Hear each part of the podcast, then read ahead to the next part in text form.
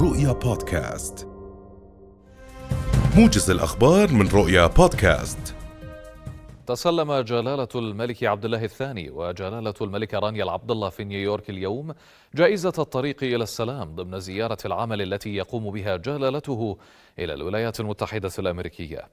وتأتي الجائزة التي تمنح من قبل مؤسسة الطريق إلى السلام التابعة لبعثة الفاتيكان في الأمم المتحدة تقديرا لجلالتيهما في تشجيع الحوار والوئام بين الأديان وتعزيز فرص تحقيق السلام وجهود الأردن الإنسانية في استضافة اللاجئين.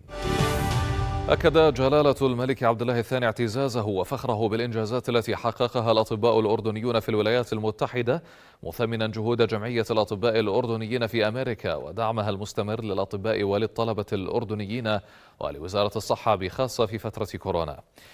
وأكد جلالته خلال لقائه في نيويورك رئيس وأعضاء الجمعية وعددا من الأطباء الأردنيين المتميزين في الولايات المتحدة أن سمعة الأردن متميزة في قطاع الرعاية الصحية مشيرا إلى أهمية مواصلة بذل الجهود للبناء على ما تحقق من إنجازات ونجاحات خاصة فيما يتعلق بالسياحة العلاجية. قالت وزارة الأوقاف والشؤون والمقدسات الإسلامية إنها تابعت مؤخرا ما تم تناقله حول موافقة الحكومة الإسرائيلية على طلب أردني بزيادة أعداد حراس المسجد الأقصى في الحرم القدسي الشريف. وبهذا الصدد أكد مصدر مسؤول في وزارة الأوقاف أن مسؤولية وصلاحية تعيين الحراس والموظفين تعود للوزارة بالتنسيق مع دائرة الأوقاف الإسلامية في القدس الشريف ولا تقبل المشاركة أو الإملاء من أي جهات كانت بما فيها حكومة الاحتلال الإسرائيلي.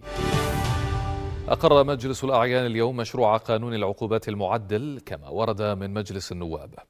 وكما أقر عفوا المجلس مشروع قانون التنفيذ كما ورد من مجلس النواب. وأوصى مجلس الأعيان الحكومة بتمديد العمل بأمر الدفاع رقم 28 وحتى نهاية العام. قال مدير عام صندوق المعونة الوطنية بالوكالة أمين عام وزارة التنمية الاجتماعية دكتور برقة الضمور قال إن الصندوق سيبدأ اليوم بتحويل الدعم النقدي لشهر نيسان للمستفيدين من برنامج الدعم النقدي الموحد. وأضاف الضمور أن الصندوق سيواصل تحويل الدعم النقدي عبر المحافظ الإلكترونية والحسابات البنكية للأسر المستفيدة من البرنامج خلال الأسبوع الحالي حيث سيصبح الصرف شهريا. احتدمت المعارك اليوم في جنوب وشرق أوكرانيا. في حين يتوقع أن تتسارع عمليات إيصال الأسلحة الأمريكية إلى كييف بعدما وقع الرئيس الأمريكي جو بايدن قانونا يسمح بتسريع إيصال المعدات العسكرية إلى أوكرانيا مفعلا بذلك آلية يعود تاريخها للحرب العالمية الثانية.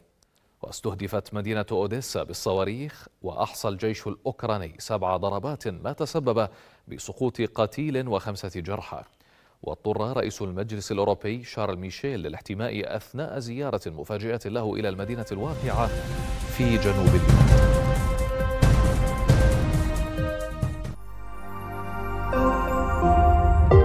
رؤيا بودكاست.